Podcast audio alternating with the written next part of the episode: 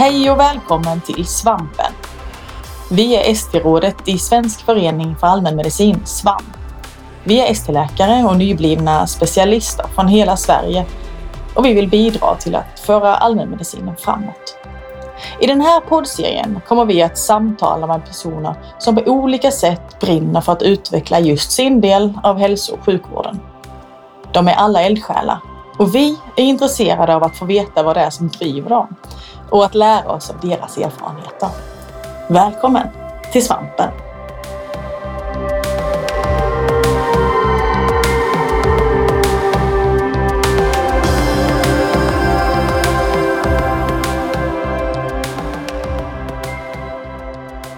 Varmt välkomna till Svampen. Jag heter Susanne Sten och jag är specialist i allmänmedicin. Idag har jag med mig två kollegor eh, som också är specialister i allmänmedicin. Tova Deruvoloman och Miriam Melles. Varmt välkomna till Svampen. Jag tänkte... Tack! Jätteroligt att ha er här. Eh, och jag tänkte att ni ska få berätta lite om er själva. Tova, vill du berätta vem du är? Ja, som sagt, Tova Druvaloman heter jag och jobbar i Stockholm på vårdcentral kliniskt, Axelsbergs vårdcentral. Eh, jag är studierektor i allmänmedicin för ST-läkare och tidigare även AT-läkare. Började med det uppdraget 2011 och fortsatt så. Håller nu också på lite med BT-läkarna som introduceras i regionen. Eh, och min koppling till BVC är att jag haft BVC ända sedan jag var ST-läkare. Sen cirka 2005 kan man säga. Eh, jag som studierektor så håller jag och föreläser i och ansvarar för en kurs kring barnhälsovård för ST-läkaren i allmänmedicin i Region Stockholm. Härligt Tova! Jättekul som sagt att ha dig med här. Och Miriam, vill du berätta lite om dig? Ja, jag är specialist i allmänmedicin sedan två år tillbaka. Jag jobbar på Axelsbergs vårdcentral här i Stockholm. Eh, eh, kliniskt halvtid och så jobbar jag som läkarchef halvtid på samma vårdcentral. Jag har varit inne på BVC och jobbat där sedan två och ett halvt år skulle jag tro. Mitt sista år som ST, nej det är tre år kanske det blir. Och det är lite favoritdelen eh, av veckan, skulle jag säga. Och gå in i BVC-världen eh, två timmar i veckan. Mm. Eller hur? Det är sånt himla härligt litet avbräck eh, när man får gå in där. Och det jag glömde säga var ju att vi ska prata BVC idag. Så det är därför som jag har eh, med er två här eh, som får vara lite BVC-experterna. Och Eh, innan vi går in och pratar mer BVC så tänkte jag höra lite med er. Vad brinner ni för? Och Miriam, du får börja där. Vad brinner du för? Oj, svårt. Eh, vad brinner jag för? Jag brinner för eh, glädje, skulle jag säga. Eh, rättvisa. Eh, nu blir det jätte så här stort kanske, men, eh, ja, men livsglädje och rättvisa skulle jag nog säga. Det låter väl jättehärligt. Tova, vad brinner du för? Nej, men jag kan hålla med Miriam där. Jag tycker det låter som jättefina eh, saker att brinna för. Jag skriver under på det också personligen och sen har jag ju förstås ett stort intresse, intresse kring utbildningsfrågor. Eh, och sitter ju som studierektor också för att jag faktiskt verkligen brinner eh, för det. Utbildningsfrågorna, att våra utbildningsläkare ska ha en så bra utbildningsmiljö som möjligt och också handledarna förstås. Att eh, man ska hinna med sitt uppdrag och, och känna att man har bra stöd i det helt enkelt så att vi får rustade kollegor framåt i, i primärvården. Ja, men det låter ju klockrent. Men hörni, vi ska prata BVC Eh, och eh, jag tänkte börja med att ni får berätta lite er koppling till BVC och Tova, du som eh, eh, har en, en lite mer, längre erfarenhet än mig och Miriam. Du får eh, äran att börja. Hur kom du in på BVC och vad var liksom ditt första hur tog du dig an BVC? Ja, Eh, jo som sagt jag började ju, eller gjorde ju min BVC-placering under min ST som var ett, ett obligatoriskt liksom inslag i ST-utbildningen då också, även om det är ett tag sedan jag gick min ST. Eh, och hade då förmånen att ha min egen huvudhandledare även som handledare på BVC för att hon, eh, Eva som hon heter, hade eh, också BVC i sitt uppdrag. Alla eh, distriktsläkare eller specialister i allmänmedicin har ju inte det, eh, även om det är ett uppdrag i primärvården, eh, BVC. Då. Eh, och jag tänker att det jag kanske slogs av då, eller som jag tyckte var svårt, var väl just att det var så små barn. Och att jag förstås hade en viss erfarenhet av det från studietiden men annars ingen alls och inga egna barn och Eh, hade väl, kunde väl känna en viss rädsla inför de där små liven eh, och hur sköra är de och eh, vad, hur kan man, ja, bara det att hålla i en liten bebis och hur undersöker man dem? Så det var många saker som kanske var svåra. Plus eh, jag vet också att jag upplevde att det här med massa olika frågor som man inte liksom stöter på någon annanstans egentligen eh, stöter man på just på vårdcentralen eh, från föräldrarna. Och att det kunde jag uppleva som en stor utmaning att kunna eh, ha svar på, men kanske också det här att lära sig med tiden att ja, vissa saker kan man kommer att upprepa sig, man kommer att känna igen det här från andra föräldrar men sen kanske man inte kan svara på allting heller. Så, eh, tror jag. Mm. Men eh, ja, som sagt, jag hade bra handledning och fick guidning och det här också att det är ett, det är ett annat uppdrag än på vårdcentralen, att, att liksom förstå det. Eh, det är inte samma sak som att vara på vårdcentralen och möta barn där, uppdraget. Jag tror att jag kan stanna där. Mm. Ja men jättefint. Och Miriam, hur, hur ser din koppling till eh, BVC ut? Och du berättade att du har varit där i ett par år vid det här laget, men hur, hur tog du dig an det när du började?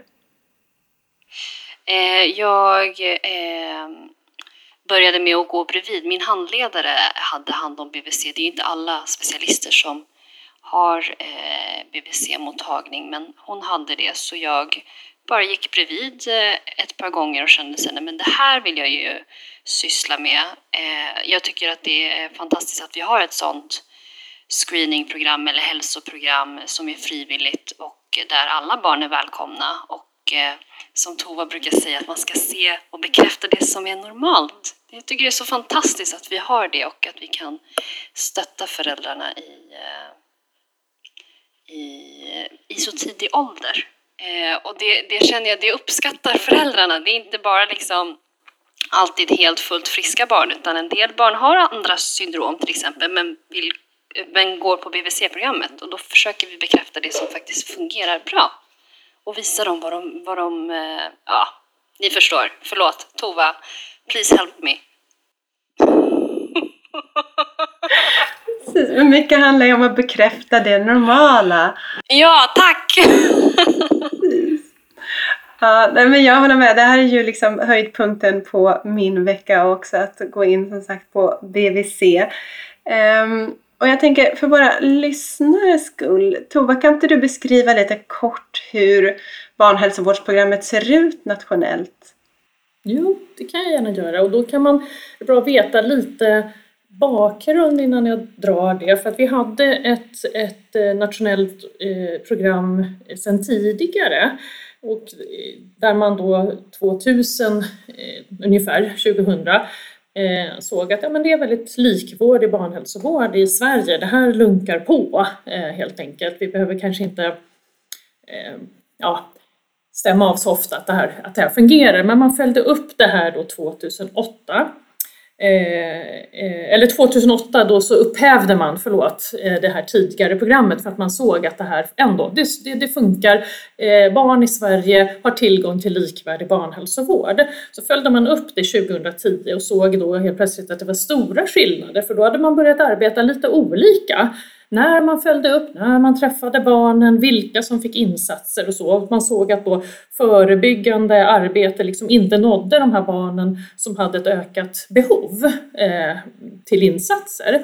Och då sattes det igång ett arbete där man tittade på Storbritannien som då hade ett barnhälsovårdsprogram som heter Healthy Child Program Eh, och sneglade på det helt enkelt och utifrån det så gjorde man det här nationella eh, svenska programmet som är uppdelat kan man säga i, i, i tre delar där del ett är, beskriver eh, det som alla barn ska ha tillgång till, det vill säga när vi träffar dem, vad gör vi då? Vad pratar sköterskan och doktorn om? Det är att vi ska jobba i team till exempel. Och ja, vad ska vi kanske checka av och ta upp? Eh, det här med eh, skadeförebyggande eh, åtgärder i hemmet till exempel, sådana här saker. Om vi sen då i den här, det här som alla får ta del av upptäcker att här finns det ett barn eller en familj som har ett, ett, ett ökat behov av insats. Då förflyttar man sig i in i en annan del i det här programmet som heter del 2 eller del 3 beroende på hur stort behov kan man säga av ett, ett, eh, eh, ett en annan åtgärd eller ett utökade åtgärder som man har. Det kan till exempel, för att ta ett exempel, vi kanske har ett barn som har en sån här lägesbetingad eh, platthet av bakhuvudet som då behöver komma till exempel till sjukgymnast. Det barnet och den här familjen förflyttar sig då från den här eh, allmänna första delen till del två. Är hos sjukgymnasten, tränar hemma eller gör olika procedurer, vi följer upp och sen när det så att säga Eh, bedöms att nej, men nu är det bra, om man säger så, så återgår det till det här liksom, program för alla och har inga andra eller utökade insatser så att säga. Medan det finns barn och familjer som alltid kommer finnas i en annan del av det här programmet för att man alltid kanske har ett behov av, av större insatser. Så man kan väl säga att att eh, man gick då från ett, ett sjukdomsförebyggande program till ett program med mer psykosocial och hälsofrämjande eh, Eh, uppbyggnad så att säga och man gick från ett läkarcentrerat program till ett teambaserat program och ett program där sköterskan är nyckelperson. Sköterskan träffar ju barnen och familjerna oftare än vad vi doktorer gör men när vi är där då ska vi träffas tillsammans med familjen. Och det är också ett program som har, beskriver liksom en, en ökad kunskap om hälsans bestämningsfaktorer. Eh, det vi kallar då salutogenes istället för att titta mer på kanske på sjukdomsalstrande faktorer. Att, att prata mycket om vad är det som främjar hälsan och som gör att det här barnet kan utvecklas till sin fulla potential även om det kanske har svårigheter. Mm. Just det. Ja, men vad, vad intressant att höra lite om bakgrunden också. Lånar friskt från andra länder, det tycker jag låter klokt.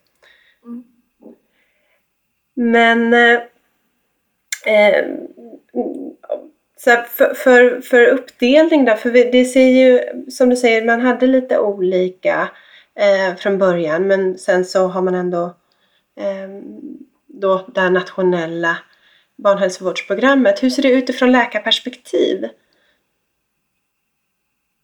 Vilka åldrar är det som vi möter Eh, ja som läkare? Som du säger, vi, vi kör ju teambesök men, men som läkare så nu är det kanske andra som lyssnar på det också men, men um, ja.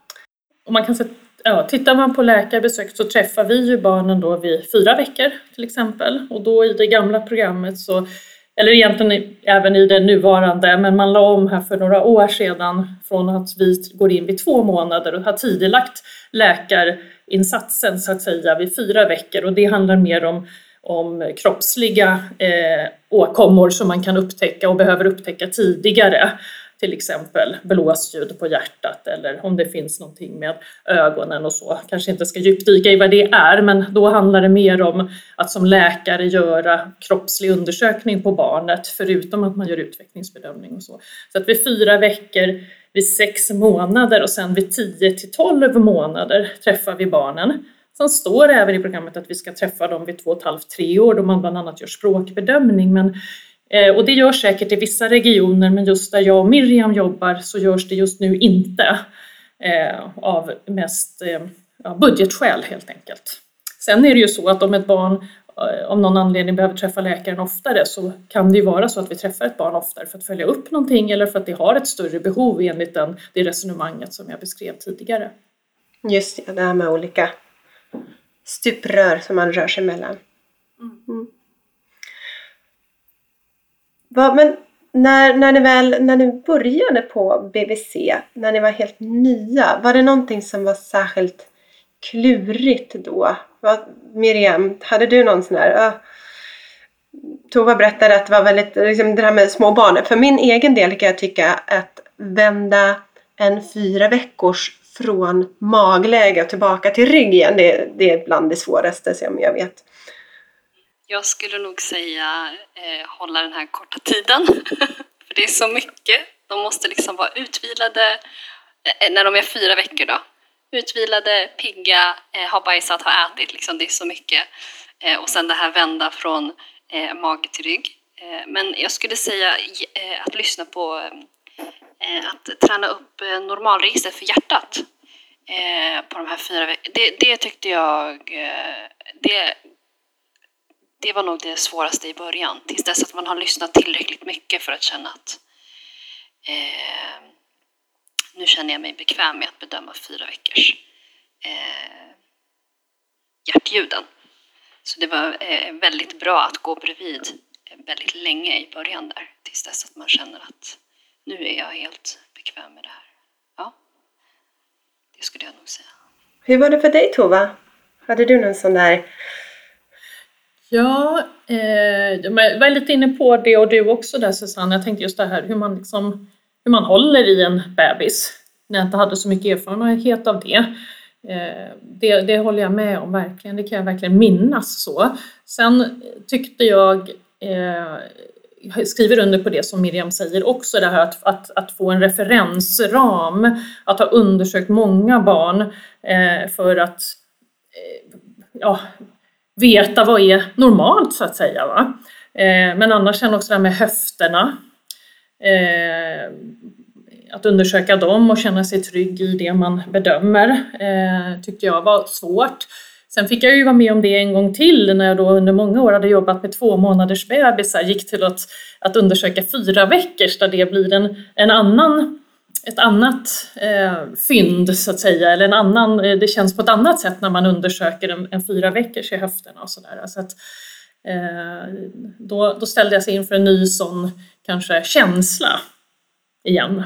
Men det är ju så att man behöver, även som det är med liksom patienterna på vårdcentralen under hela sin läkarutbildning, att det handlar mycket om mängd, mängdträning också för att skapa sitt eget referensbibliotek. Så.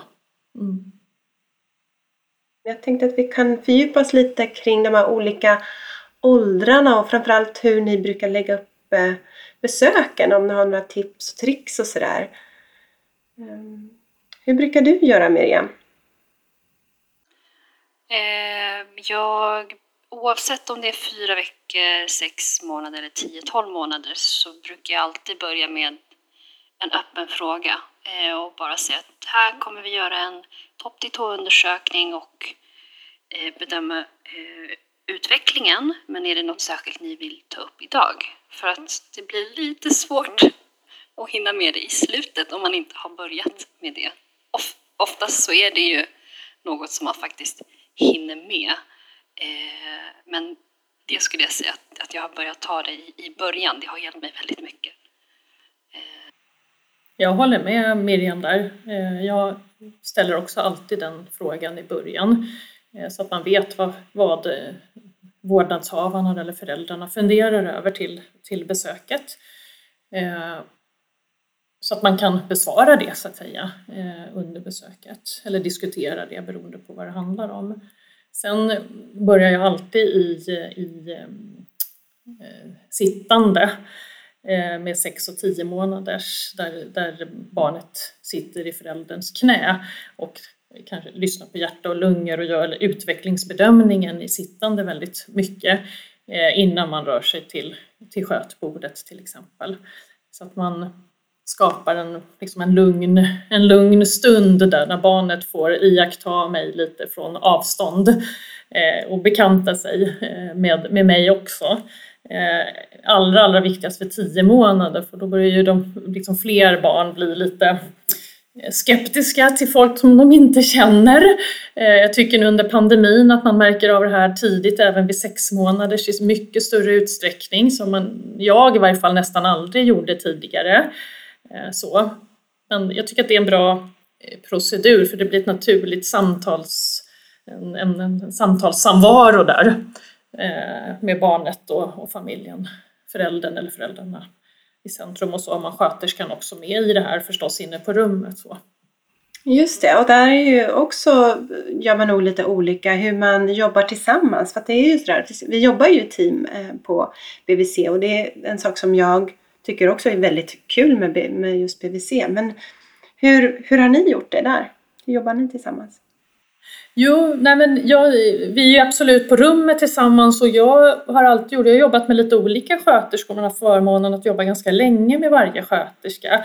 Och det eh, underlättar ju, men alltid att man, jag brukar alltid börja eh, så att stämma av med den personen. Hur, hur vill du jobba och hur tänker du och hur ska vi göra liksom det här bäst tillsammans? Det är en jättebra tumregel tycker jag. Det gäller ju överallt i arbetslivet och kanske annars också förstås.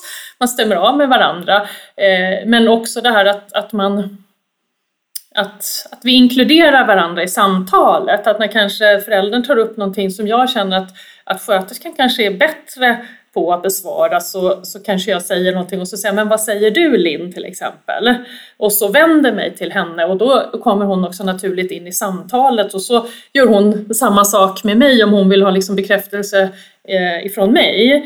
Och det tycker jag alltid funkat väldigt eh, bra för då blir det just känslan av det här teamet att vi har samsyn och att, att vi eh, har en gemensam kompetens kring, kring barnet och familjen. Och, så så att jag, ja, det tycker jag ändå, det lunkar på, på bra och blir en himla skön stämning på, på rummet också av det.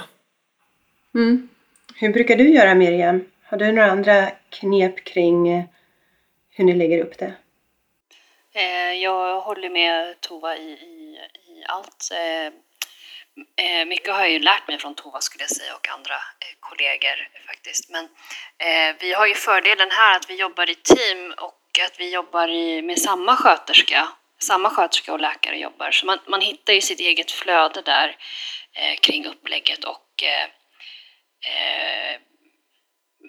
att man ja, men tillåter varandra att svara så att även om frågan riktas till mig så kan sköterskor ofta svara på väldigt mycket eh, och att man tillåter att vederbörande svarar eh, så att man kan eh, ehm, så att det blir rätt person som ger rätt information.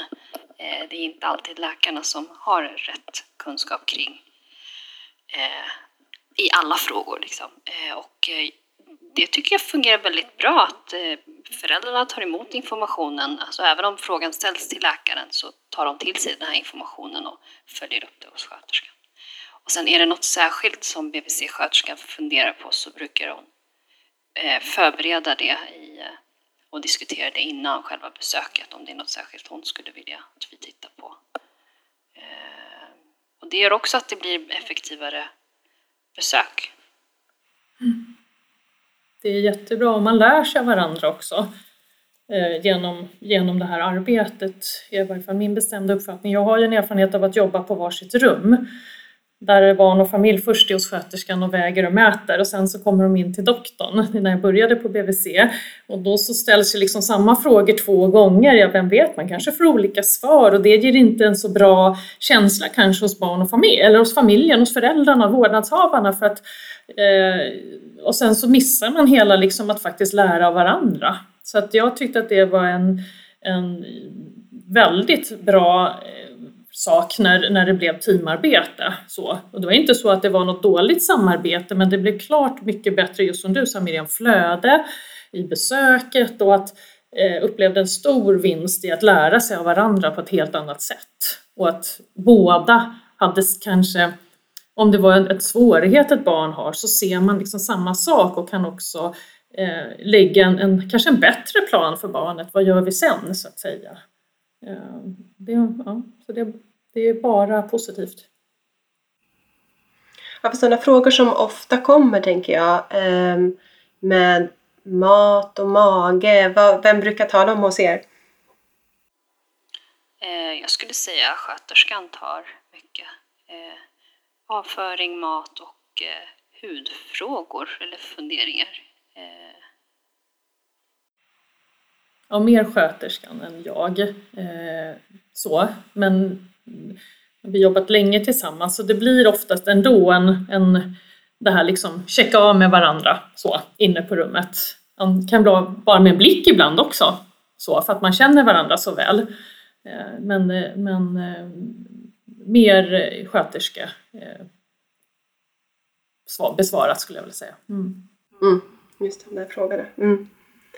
Eh, och eh, sen har ni några tips för hur man hjälper till med oroliga föräldrar? Hur hanterar man deras oro? Vad brukar ni göra? Jag tänker att en del i det till exempel att göra det som Miriam sa, att man börjar fråga är det något speciellt som de vill ta upp? Och att tar de upp någonting så är det viktigt att fråga om det här är något som de är oroliga för så att man just förstår det, att det är en oro. Då kan man ju faktiskt eh, antingen så att säga, bekräfta den eller ge en förklaringsmodell som förhoppningsvis gör att föräldern kanske inte behöver vara orolig.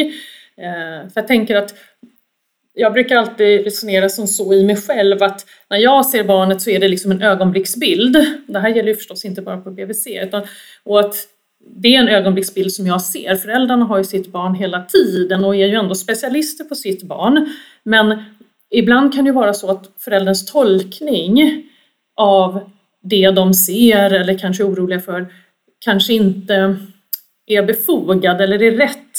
Det, jag gillar kanske inte uttrycket rätt egentligen men hoppas ni förstår vad jag menar med det. Att, att jag kanske kan ge en förklaring som förhoppningsvis gör att de inte blir oroliga. Det är viktigt att man så att säga bemöter oron.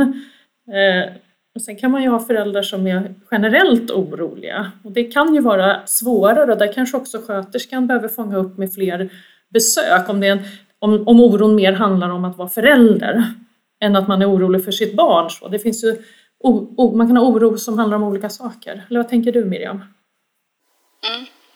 Nej, men jag håller med dig i allt, eh, Tova.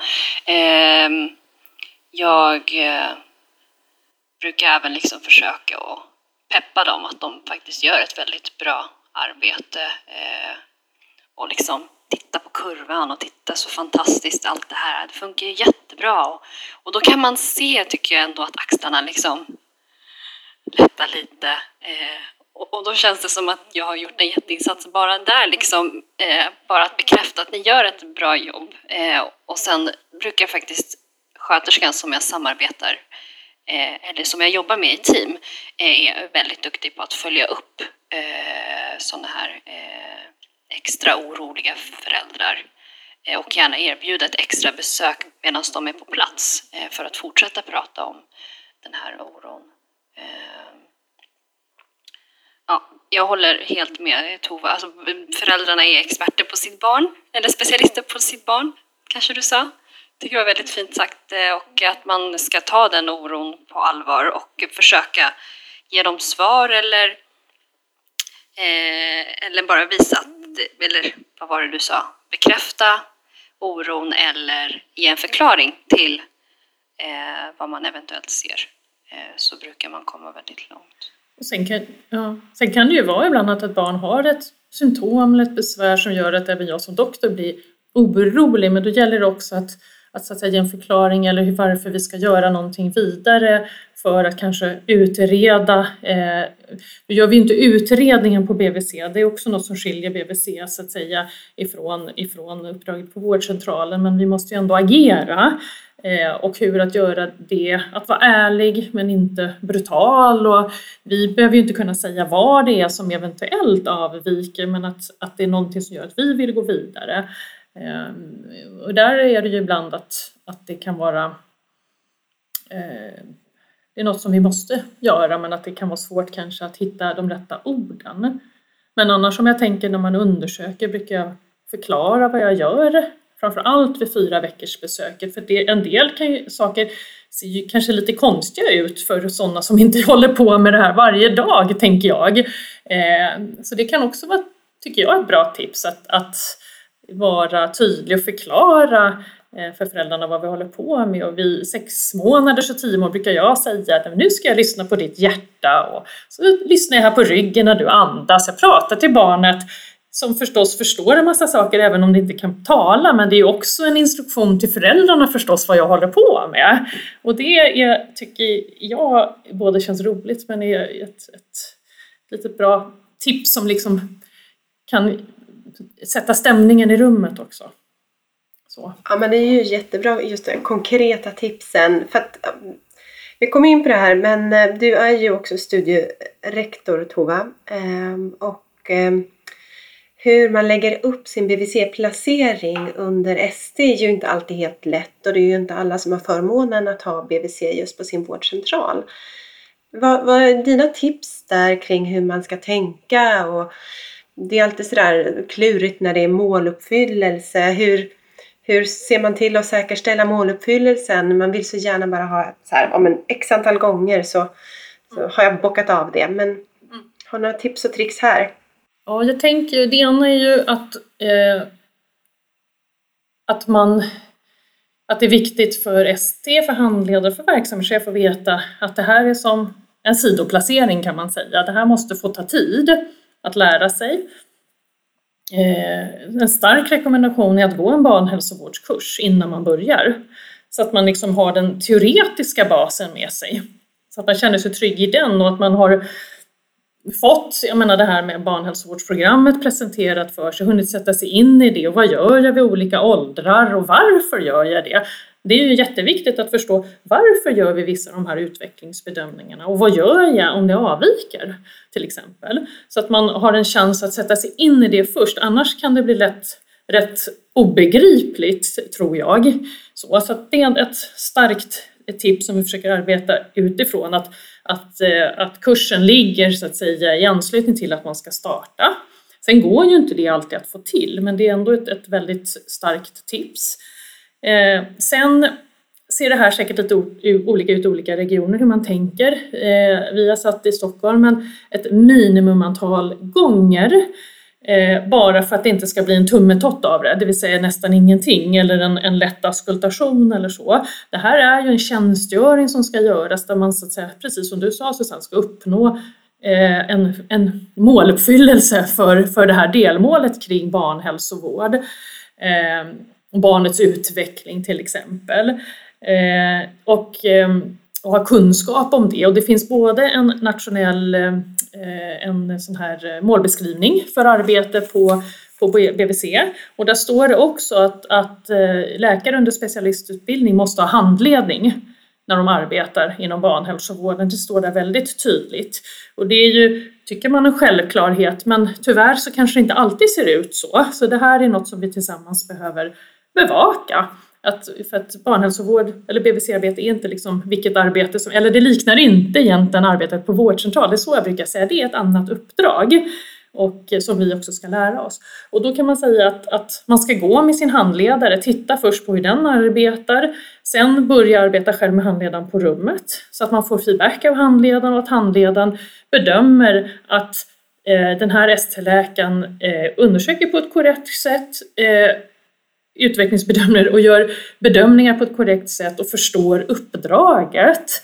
Sen kan man så att säga få ha BVC själv under gånger men att det alltid ska finnas en specialist som kan komma in och hjälpa till och titta på ett barn om det behövs, till exempel känna på pulsar, höfter, lyssna på hjärta eller om det är något annat i utvecklingen, att, att, att den, det ska finnas en sån möjlighet hela tiden så att man så att säga, kan få stöd om man behöver det. Så det ska vara en tydlig handledningsstruktur. Och sen är det då handledaren som ska bedöma när man är klar med kompetensuppfyllnad helt enkelt. Ja, men det, det är väl eh, underbart när det får funka sådär. Ja, och det är ju lättare då om man har en BVC-anslutning till sin vårdcentral. Det kan ju vara svårare om den ligger externt. I, just i Stockholm så är, är det BVC som finns i anslutning till vårdcentral men många är då egna, egenägda eller vad man ska säga. Och då kommer man ju dit lite grann mer som gäst. Eh, och då kanske det här är svårare att få till men det är fortfarande samma regelverk som gäller så det ska gå till på samma sätt. Då har vi eh, och en av våra studierektorer byggt upp ett program hur man kan tänka så här i steg som handledare också som ska hjälpa handledaren och ST-läkaren förstås. Så att vi har ett dokument för det också. Eh, som, där man lite grann nästan kan, kan klicka i så att man går i olika steg så att både ST-läkaren och handledaren och eh, studierektor känner sig trygga med att att eh, när intyget är påskrivet då till Socialstyrelsen så har man en kompetens i barnhälsovård. Ja, men det är ju, det är ju klockrent. Så här, som sagt, jag är ett stort fan av checklistor. Jag tycker det är skönt att bocka av. Men, eh, så det låter ju på ett sätt väldigt betryggande. Men går man efter eh, din fina rekommendation här så kommer man ju väldigt långt. Och det är klart att det här kan ta olika lång tid för olika personer och det måste man också ha en ödmjukhet inför och också då kunna planera inför och det är väl det som ofta kan vara det svåra att lite grann så är känslan ibland att alla ska vara stöpta i samma form och så är det ju förstås inte. Vi kan vara olika eh, förberedda för det här, vi kan tycka att det är olika läskigt, eh, vi kan ha olika förmåga att hur snabbt vi eh, tar till oss ny kunskap. Men alla kan liksom oftast ändå nå målet bara vi får rätt stöd. Men det kan ta långa, olika lång tid för olika ST-läkare och det ska det ju också göra tänker jag. Den är ju verkligen jätteviktig att ha med sig att man inte eh, att man ber om mer tillfällen om man, om man känner att man behöver det. Och att man också som handledare tänker jag är med där och, och um, har, har en dialog med uh, sin ST-läkare. Ja. Och sen brukar jag också peppa ST-läkaren att vara med med sköterskan också på de besök som sköterskan gör och också vara med på lite andra, de här andra åldrarna, två och ett halvt, tre år, vid fyra, alltså liksom längre upp i de högre åldrarna också, speciellt om man inte har så mycket kontakt med barn för att förstå ungefär hur, hur, hur utvecklas ett barn eh, och också inte minst språkligt, för om vi är på vårdcentralen och träffar ett barn eh, så ska vi även där kunna bli eh, liksom vakna till och tänka till. Om det är ett barn till exempel som är tre år och har en, en eh, inte så god språkutveckling, att då även där vid besöket, även om man söker för, vi säger ont i örat då, Eh, ta upp med föräldrarna, eh, hur, hur, går det för ditt barn på förskolan med talet och är det något som du har funderat över eller så. Så att man liksom fångar upp det, är det här uppfångat på BVC eller behöver vi hjälpa den här familjen och det här barnet att liksom få koll på det här eller är det så att barnet hör dåligt för att det har vätska bakom trumhinnorna som gör att det inte kommit igång så bra. Så att, så att barnhälsovårdsarbetet har liksom ett, ett större arbete som även eller större mening som även har betydelse för oss på vårdcentralen. Ja, men det, är ju, det tänker jag, det är, för min del är det som är mycket tjusningen med just primärvård och jobba i primärvården. Att få liksom möjligheten till den där liksom helheten. ehm, och att få träffa mina patienter som jag har på BVC och träffa dem även sen när de är sjuka. Då kanske man kan förhoppningsvis att de, både de och eh, föräldrarna känner sig lite tryggare när vi väl ses. Eh, vi börjar närma oss ehm, eh, slut för idag. Men är det någonting som ni vill skicka med lyssnarna som har lyssnat idag? Någonting särskilt som ni tänker på just ur BVC-perspektiv? Jag tänker att det är ett, eh, och tycker fortfarande efter lång tid på BVC, att det är ett väldigt roligt uppdrag. Miriam började med det i början av sin presentation av sig själv. Men jag håller verkligen med om det, att det är ett väldigt kul uppdrag att ha i sitt primärvårdsuppdrag. Att våga testa på det. Verkligen. Apropå livsglädje där Miriam.